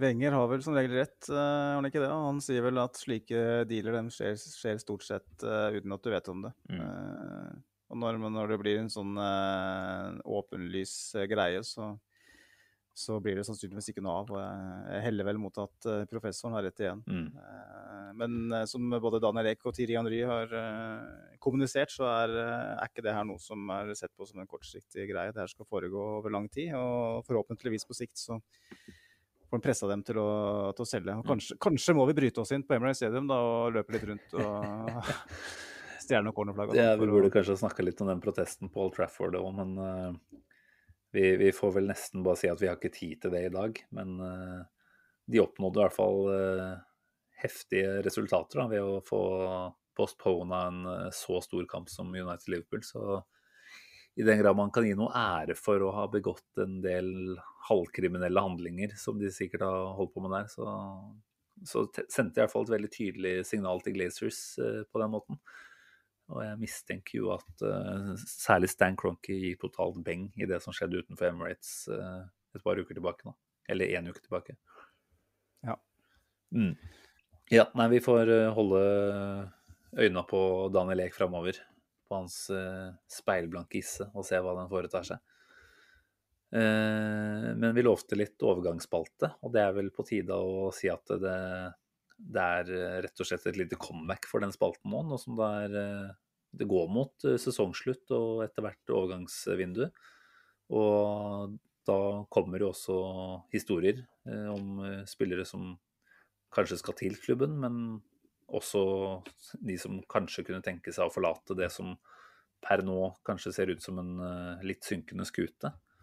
Og da må vi jo starte med vår tyske sisteskanse Bernt Leno, hvor det vel er i dag, mandag kveld, at det har kommet en del skriverier eh, på Twitter eh, om at eh, Leno skal være såpass misfornøyd med om det er situasjonen i klubben eller egen situasjon, eller hva som er utslagsgivende her, vet jeg ikke. Men han rapporteres visstnok å ønske seg vekk fra klubben etter sesongen.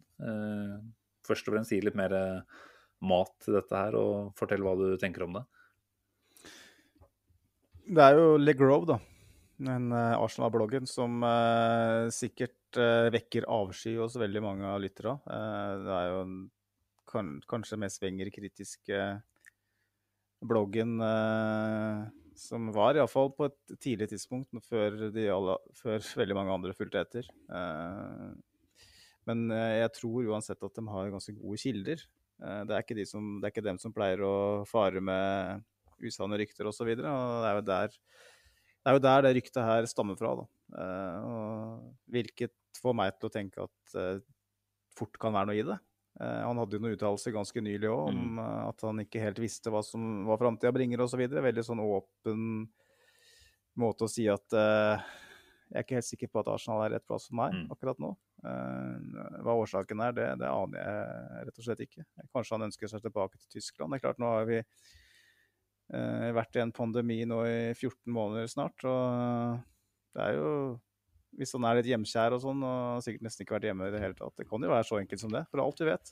Så kan det være at han er ambisiøs, såpass ambisiøs og han ser at Arsenal er en synkende skute, som du sier. Mm. Eh, og at han ønsker å spille Europacup. Kanskje det spekuleres jo Dortmund, eh, som eh, eh, eh, hvordan ligger det an nå? De, var vel, eh, de ligger, vel og prøver, ligger vel sånn halvveis an til å kanskje klare Ja, Champions det er vel et poeng eller noe sånt bak der. Så det, det kan gå, men eh, uansett så er det vel e-cup, eh, sannsynligvis. Eh, så det kan, eh, det, det kan godt hende at det er noe i det her. Jeg, jeg, tenker at sannsynligvis, sannsynligvis er det. Og det setter jo forrige sommers avgjørelse da, om å sette Martinez på toget opp til Birmingham i et enda litt dårligere lys. Uten at man selvfølgelig kan blame klubben for å Om noe så burde jo Leno oppleve at her gir dere meg virkelig eh, tillit, da. Når han har eh, blitt pressa såpass av Martinez som han ble i slutten av forrige sesong. Og allikevel Mm. få såpass eh, klar tillit fra Arteta og resten av staben der. Men åh, da kjenner jeg at eh, Martinez gjerne kunne fått kommet ned igjen, altså. Så er det jo, uten at vi skal avsløre for mye for tidlig her, snakk om en viss annen gammelkjenning òg, som eh, i hvert fall nevnes som en eh, potensiell erstatter. Eh, Du har litt mer, mer info enn meg når det kommer til kontraktsituasjoner og sånt på en viss polsk keeper, men hva er egentlig status for, for han og Juventus sin keepersituasjon? Det handler vel først og fremst om at Juventus spreng, jobber på spreng med å få Donnarumma til å ta veien fra, fra Milan. For han er Eh, tom eh, på kontrakten, for å si det sånn. da. Han kan gå gratis, vel. Det kan. Mm. Chelsea har vel vært nevnt ganske heftig der og sånn. og Kontrakta til Chesney den uh, går vel ikke ut før i 2024. Uh, så det, det er vel ikke det det handler om sånn sett. Det er vel bare det at uh, Mm. Med Donnarumma inn der, så er vel hans eh, dager som førstevalg definitivt talte. Eh, for da er jo Donnarumma den den, hva skal jeg si, ja, den som skal eh, ta over etter Buffon sånn endelig, og være den nye store keeperen. Mm. Eh, både for Juventus Italia i kanskje både 10 og 15 år fremover i tid. Um, og det er jo ingen tvil om at Wojciech Szczesny syntes det var trist å forlate Storbritannia, og ikke minst Arsenal. Eh, han eh, er jo en av de eks-spillere eh, som fortsatt er aktive, som snakker aller varmest om Arsenal. Og eh, han eh, gråt jo sine modige tårer når han måtte, måtte forlate klubben. Og det var jo ikke et valg han tok, det var et valg Wenger tok etter at han eh, fyrte opp et par kreftpinner eh, på St. Mary's. Da var det kroken på døra. For eh, det var en svart røyk fra, fra Vatikanet. Eh, og da, da var det jeg, jeg tror jo at eh, at hvis Chesney får eh, sjansen til å returnere til Arsenal, så, så vil, tror jeg fort han kan gripe den sjansen. Men hvorvidt Arsenal er interessert i det, det, det er jeg langt mer usikker på. Det blir en veldig sånn Vet ikke hva du tenker, er Simen. Er det mer nostalgi, men det er en rett avgjørelse? Altså, ikke sant? Hjertet sier jo at det ville vært jæskla flott, ikke sant, på alle måter. Men hva har Chesney blitt av? 31, eller? Eh, og igjen, det er kanskje ikke noe keeper å snakke om, nei, noe alder å snakke om for en keeper. Men eh, og, og, og hvor god er han egentlig? Han står jo bak det som har vært et ganske soleklart uh, nummer én-forsvar i Serie A. Jeg må innrømme at jeg har jo ikke sett nok av han der, men alle rapporter tyder på at han har gjort en god innsats, og vi vet jo at han, han satt eh, Alison på benken i Roma når han var på utlån der. Eh, men altså, igjen så vil jeg kanskje da fort tenke at det er et resultat av klubbdriften til Arsenal som er mer drevet av tilfeldigheter og muligheter som dukker opp, enn godt scoutingarbeid. Og det er vel kanskje ikke å forvente heller, når vi nesten ikke har noen speider igjen. Men, eh, men jeg tenker jo at eh, det er andre keepere der ute som eh, vel bør kunne sportslig sett være enda mer attraktive, da. Eh, Ja. Jeg vet ikke helt Altså, jeg ser kjapt på Serie A-tabellen her, ser at eh, eh, Juventus har sluppet inn nest færrest mål i år etter Inter. Eh, Så det er godt mulig at Chesney har hatt nok en god sesong der, men åh, det er eh, Det er vanskelig å si nei, selvfølgelig er det det. For det, det er noe med at iblant så vil du bare at vakre ting skal skje. Fotball er jo romantikk ikke sant, og følelser, og det å få tilbake det som egentlig har blitt en større og større klubblegende, eller eh, kanskje feil å kalle det klubblegende, men i hvert fall en litt sånn eh, hva, er, hva er det man kaller det når det er en Kultelt? Kulthelt, Kulthelt, eh, ja. Takk skal du ha Ja. Da Det blir jo på en måte litt feil grunnlag det òg, på å skulle styrke seg foran neste sesong. Bare fordi Chesney har gjort seg selv til en større stjerne ved å synge litt anti-Tottenham-sanger og heller være en hyggelig gunner på, på sosiale medier. Så igjen, jeg vet ikke hvem andre som er det. Det er vel en fransk keeper, Mike Mai- Magna, eller noe sånt. Eh, Ja, han på Lille, ja. som, Ja. Og Lill skal jo selge unna alt eh, i sommer, kan det virke som. Så er det sånn at han isolert sett er en bedre keeper, eh, sikkert på lavere lønn. Ok, da må vi kanskje ut med en, eh, en overgangssum der som er noe høyere, men jeg ønsker at det er det som driver den avgjørelsen, og ikke om spilleren har en kobling til Arsenal eller ikke. Og hvem andre var det som satt i den garderoben når eh, Wenger så at han fyrte opp? Det var jo Arteta, blant annet. Så hva er Artetas syn på dette her? Eh, om Arteta er her neste sesong? Det er, det er så mange hvis om og det er dersom at eh, ting å ta hensyn til, jeg kjenner. Men selvfølgelig hadde det vært gøy. Det hadde det.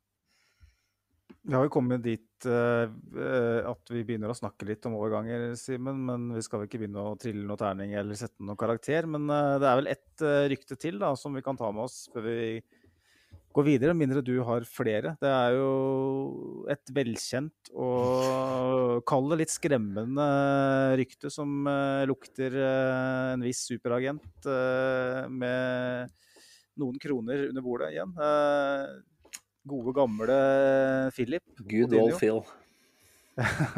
Hva tenker du om det, Erik? Det er jo Legrove igjen da, som har meldt Mm. det. Og det er som sagt ikke en som nødvendigvis eh, farer med pølsevev slik sett. Nei. Nei, altså Vi må vel bare innse at det er relativt liten sannsynlighet, tror jeg, for at uh, Ødegård blir. Um, det var jo Petter Wæland litt innpå sist òg, at eh, man er åpne for alle mulige eh, omstendigheter der. Men det var ganske tydelig kommunisert fra førstesideplass på Marka for noen uker tilbake at han ikke er opp for salg. Og at Philip Coutinho da åh, jeg, jeg har jo så lite lyst til at det blir løsninga på det TIE-problemet vårt. da. Hvis, hvis det er sånn at det blir et uh, hull som skal fylles der. Jeg må jo si at eh, det hadde vært rett og slett nok en fallitterklæring til sportslig ledelse og til det rævslikkerforholdet man har til Kia Jorabshian. Det er ikke mulig å si det på noen annen måte enn at det er drevet av penger og eh, connections heller enn det sportslige. Altså, man kan selvfølgelig drømme om at Coutinho finner tilbake til noe av det han holdt på med i Liverpool, men det var, også, det var en helt annen Coutinho. Og det var et Liverpool som ga Coutinho ekstremt mye eh, rom og plass til å holde på med det han ville. Og er det noe vi nå vet om Arteta, så er vel det at han ikke gir den friheten til enkeltspillere. Eh, Det er laget først. Og jeg klarer ikke å se for meg at eh, Coutinho er det tannhjulet som skal inn og sørge for at Arsenal-maskineriet ruller og går best mulig av gårde neste sesong. Altså. Så jeg spyr litt i munnen, rett og slett, når jeg tenker på det. og det er jo snakk om lån, da, ikke en eh, permanent overgang. Men det er jo selvfølgelig en lønningspose som skal eh, dekkes, noe vi sikkert hadde gjort. Og det ville jo helt sikkert vært x antall millioner pund i lomma på en viss agent. da. Så det Jeg frykter det verste der, absolutt, jeg gjør det. Men eh, håper at vi ikke går på den. Nå vet jeg ikke hvor gammel Coutinho er. Er han i slutten av 20-åra nå, eller? Eh, og sånn sett så vil det jo ikke være farlig å signere han på lån, men eh, ah, Nei, jeg vet hva du tenker, og du kan sikkert gå enda lenger enn det jeg gjør. Jeg føler vi har snakka nok om eh, stekeos og grillfester og hagen til William osv. Så, og sånn, så vi trenger ikke å ta det på nytt. Men eh, det er jo det er en reell frykt for at eh, at vi får en ny William og en ny Runarsson osv. Altså et kontaktnettverk som eh, brukes eh, et veldig sånn begrensa, kontaktnettverk kontra det å faktisk uh, bruke det uendelige havet som ligger foran en, med, med muligheter. Mm. Uh, det, være litt, det var som å være nå, da, som stadig vekk eh, synker eh, lenger og lenger ned eh, i både status og posisjon, eh, så må man stadig vekk kanskje være smartere og smartere for å kunne ta seg tilbake Nettopp. opp før Så nå ja, Det er en, en sommer nå som jeg tenker at hvis, hvis, vi ta, hvis vi nå taper denne kampen på torsdag og går inn i de siste tre-fire kampene, så begynner det å svide rykter om, om masse sånne Kia Rujarpsjan-klienter. Det er klart at da da, da går det grenser for hvor lenge du gidder å, å Hva skal jeg si? Ikke bry deg, men å tro, da. Altså, ikke at jeg tror nå heller, men kanskje til og med det håpet du har, da, eh, etter hvert forsvinner. Et håp om at kanskje snur det nå, kanskje begynner de å ta korrekte avgjørelser nå. Kanskje går eieren inn og sørger for at det er en struktur der som gjør at uh, at man uh, handler litt mer uh, proaktivt og, og klokt. Fordi jeg tenker at eh, når vi, et, hvis vi taper på torsdag, Simen, så får vi god tid nå eh, fram til august. Det vil si tre måneder hvor vi tre-fire tre, fire måneder hvor vi kan eh, sitte og følge med på det som foregår på eh, ryktebørsen. For nå, fra midnatt nå så er det vel lov å skrive poste ting på sosiale medier nå for alle. Ja. Eh, ikke lov, men det er det iallfall eh, Sosialt akseptert. Sosialt akseptert. Ja, nei, jeg tenker vi, vi tar ikke alt av sorger på forskudd. Vi gjør ikke det, selv om du er en pessimist fra Løten. Jeg tenker at vi, vi, vi lever i håp og tro nå, i hvert fall fram til torsdag, og forhåpentligvis fram til 26. mai, på at det er muligheter for å få en eh, ålreit overgangssommer. Og det er klart, eh, med Champions League-status og penger, så vil jo den sommeren her være altså definitivt viktig.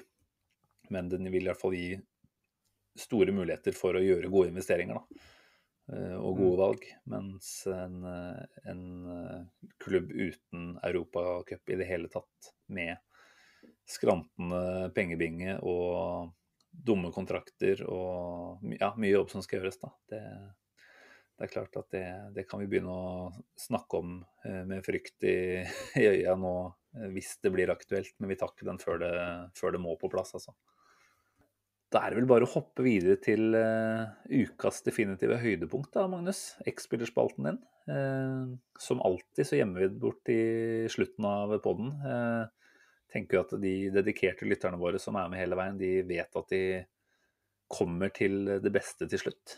Sånn som det ofte er uh, ved et godt måltid òg. Jeg, jeg, tenker at folk eh, kommer til å føle seg litt mer happy etterpå, oh. forhåpentligvis. Upbeat på en mandag, det liker vi. Bygge opp til torsdagen på best mulig måte. En velsmakende makaronistuing trenger muskatnøtt for å briljere. Akkurat som et symfoniorkester trenger symbaler for å skape den perfekte harmoni. I alle tenkelige sammenhenger er det behov for den hemmelige, usynlige ingrediensen for at ting skal fungere. Den kan være underfundig glamorøs eller drivende funksjonell. Dagens X-spiller var vår muskatnøtt. I en tid hvor Arsenal var kremen av kremen. En tid hvor vår krem og vår pasta sørga for at det kokte på Hybrid. I en spillerstall hvor det formelig krydde av legender og verdensstjerner, tok dagens mann til takke med en anonym tilværelse. Og Arsen Wenger er alltid påpasselig med å påpeke at denne spilleren, mer enn noen andre, blir forfordelt da ros skal øses ut. Han fikk aldri nok kreditt for sin intelligens og sin sjenerøse mentalitet. Han var gjerne stille og diskré, men det var på en umåtelig effektiv og classy måte. Det sier Wenger. Og nettopp classy er et begrep det er verdt å drodle litt rundt. Selv om han ble kjent som vaktmesteren og en som gjerne moppa opp bak briljerende høyoktans artister, hadde han definitivt sine mer glamorøse sider. Blant hissige Ferrarier blir selv den flotteste Mercedes anonym, men, men hans glamorøse sider ble i alle fall glimtvis synlige. En fredagskamp mot Leeds på Highbury, hvor gressmatta var grønnere enn noensinne, under et perfekt dimma flomlys, fikk vi se litt av det vaktmesteren kunne diske opp med. En ikonisk kveld som nok alltid vil bli huska for peak Thierry Henry og sine fire skåringer, vil også bli huska for et par assist fra Arsenals usynlige vegg. Kampen ble innleda med en trademark bakromsball fra den guddommelige dirigenten Dennis Bergkamp, men herfra og ut tok dagens X-spiller over dirigentpinnen. Ved to anledninger sendte han den franske geparden gjennom alene mot en stakkars Paul Robinson, og det gikk som det måtte gå. En majestetisk aften hvor dagens X-spiller rykka opp til andrefiolin for en kveld. Det er imidlertid viktig å legge et større fokus på primæroppgavene til en av Wengers mest betrodde menn. Det å gjøre spillerne rundt seg bedre, ved å gjøre ting enkelt og effektivt, er en undervurdert egenskap i fotball. Det å alltid være på rett plass til rett tid, det å velge den enkle, men rette pasningen i visshet om at lagkameratene dine er bedre skikka til å forvalte det offensive budskapet. Det å alltid være, det å alltid være der som støtte, alltid påskrudd og fysisk topptrent. Det å lese spillet som en åpen bok og sørge for at motstanderen aldri får vente opp eller utnytta rommet mellom midtbanen og forsvaret. Dette er egenskaper svært få midtbanespillere har, og dette er egenskaper som ikke settes nok pris på. Verdsatt ble det imidlertid av den brasilianske landslagsledelsen. Vår mann har hele 93 kamper for klodens mest ikoniske landslag, og kun 11 brasilianere kan skilte med flere. Det er en mektig prestasjon. Særlig siden han vel må sies å være litt ubrasiliansk i stilen. Og Arsenal-eventyret starta den samme sommeren som da han ble verdensmester med Selecao. I Nord-London ble han ligamester og invincible. Konfettien hagla, og da Arsenal tok steget fra Highbury til toppmoderne Emirates Stadium, var han kanskje den Invincibles-legenden som markerte seg mest. Berkamp, Pires, Campbell og Cole forsvant kjapt ut av dørene. Og senere fulgte Jungberg og Henry. Dagens X-spiller tok en lederrolle i Wengers ambisiøse ungdomsprosjekt og fungerte som en link til gullalderen. På banen tok han et større offensivt ansvar, da ungguttene naturligvis ikke kunne forventes å prestere like stabilt som sine forgjengere. Han noterte seg for hele ti ligaskåringer i løpet av klubbens første sesong på Emirates, og ble av de fleste regna som årets Arsenal-spiller. Endelig hadde den usynlige vaktmesteren steget ut av sine lagkameraters kolossale skygger. Og med kaptein Henrys tårevåte farvel regna alle med at brasilianeren, som var klubbens visekaptein, ville bli utnevnt til ny klubbkaptein. Det var som skrevet i stjernene. Overraskelsen var derfor stor da Wenger valgte å gi kapteinspillet til William Gallas, av alle. Et upopulært valg blant både fansen og spillergruppa, og et valg som mer eller mindre dømte dagens X-spiller til gjenvunnet anonymitet og en rolle som stallspiller.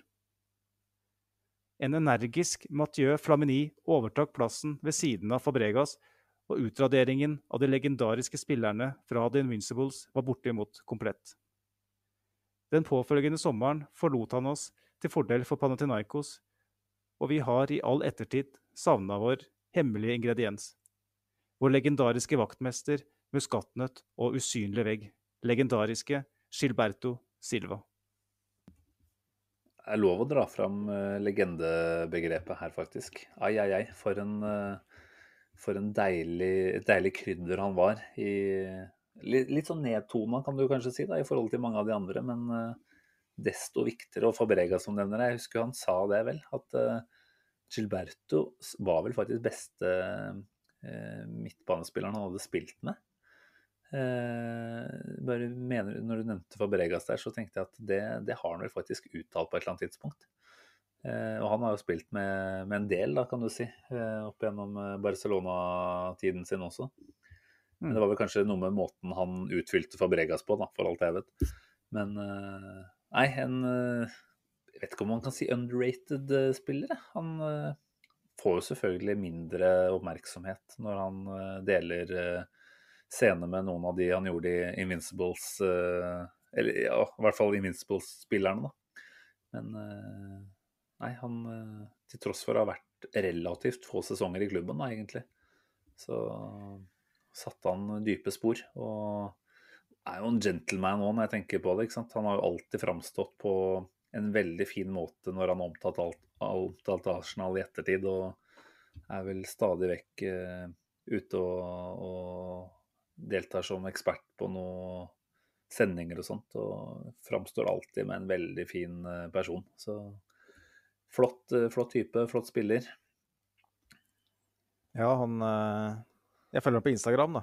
Og han eh, veldig ofte ute med meninger om Arsenal. Og det er, som du sier, han taler alltid klubbens sak. Og er en av de som uh, aldri uttaler seg krast om Arsenal. Han kan selvfølgelig komme med meninger, men det er aldri noe sånn uh, tabloid eller hva skal jeg si, Han er ikke ute etter å ta klubben på noe vis. Hvis han sier noe negativt, så er det, for å, så er det velmenende. Og en, litt sånn som når han var spiller, så tar han en litt sånn anonym rolle der òg. Mm. Han, han, han, kommer ikke med de mest hva skal jeg si, slående eh, sitater osv. Han, han kjører en ganske sånn enkel og fin linje. og det vi trengte det i det laget, laget, der, når vi hadde så mange mm. artister. Så måtte, Vi hadde jo Gilberto, vi hadde Loren, ikke sant? et par sånne typer som eh, gjorde grovjobben. Så jeg føler jo at, som jeg var inne på i, i, teksten, at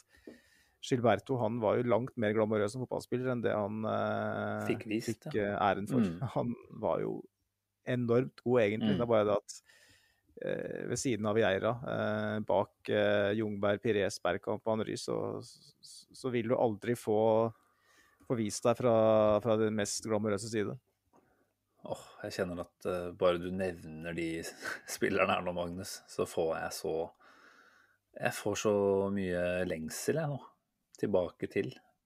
Tenk på hvor vi er i dag, liksom. Uh, og da snakker jeg ikke om Altså, det er fine folk og alt dette her, men spillertyper, personlighetstyper i forhold til det å være en prestasjonsgjeng, da. Det var så gjennomsyra av kvalitet og vinnerkultur Eh, i de du nevner her. Og ja, vel så mye hos Gilberto som hos noen av de andre, egentlig. da.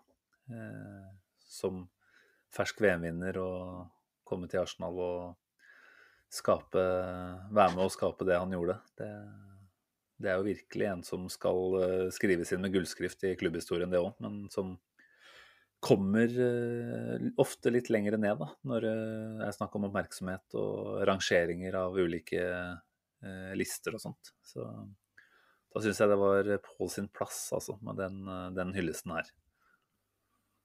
Yes.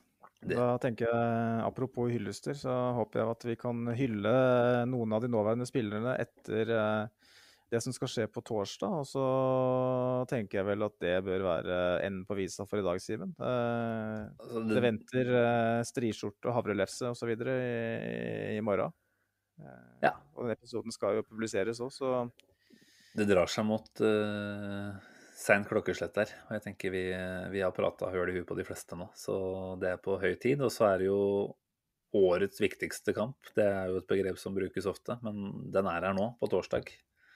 Eh, kanskje Vi skal ikke si vi skal ikke si tiårets ennå, det er litt tidlig. Men uh, det, det, blir jo veldig potensielt eh, talende for hva som skjer framover, da. Om dette her går på tverke kontra om det skulle gå så bra som mulig. Så egentlig burde vi vært eh, parat med en uh, liten uh, sånn skikkelig pod på direkten etter torsdagen, men det, det, tror jeg vel kanskje ikke vi har godt av, noen av oss. Det er greit å få oss med jevnere mellomrom enn som så. Så jeg tenker at nå er det vi er realkamp, og så er det vel West Bromwich på søndag, før Chelsea venter i midtuka deretter. Så vi får se når vi er tilbake med neste episode, Magnus. Men uh, mye spennende i vente før uh, den tid uansett. Så du får bare ha takk for en hyggelig prat i, i aften også, så får du ha en fin uke videre. Håper det blir bra. Jo, eh, takk det samme. Og så ses vi på andre sida, rett og slett. Uff. Eh, Krysser er fingre, kryss alt. Og til alle som lytter, så får vi bare si som alltid at eh, vi ønsker jo innspill og spørsmål og alt mulig rart, men akkurat i forkant av denne episoden så tillot vi oss å være politisk korrekt å være tyst på sosiale medier. Så vi får ta det igjen før neste episode. Uansett så setter vi stor pris på alle som er med og lytter. Og til neste gang så får vi bare si takk for at du putta oss i ørene. Så høres vi igjen om ikke så altfor lenge. Ha det bra. Adjø.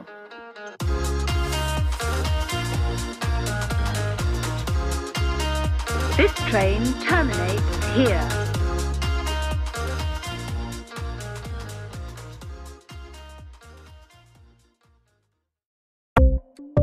Ukens annonsør er HelloFresh. HelloFresh er verdens ledende matkasseleverandør og kan være redningen i en travel hverdag.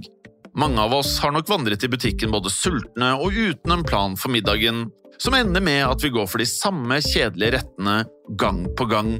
Middag burde være dagens høydepunkt. Som HelloFresh kan du nå velge mellom 25 ulike retter hver eneste uke, eller få HelloFresh til å sette sammen menyen for deg. Dette gir deg muligheten til å prøve nye og spennende retter alene eller sammen med familien.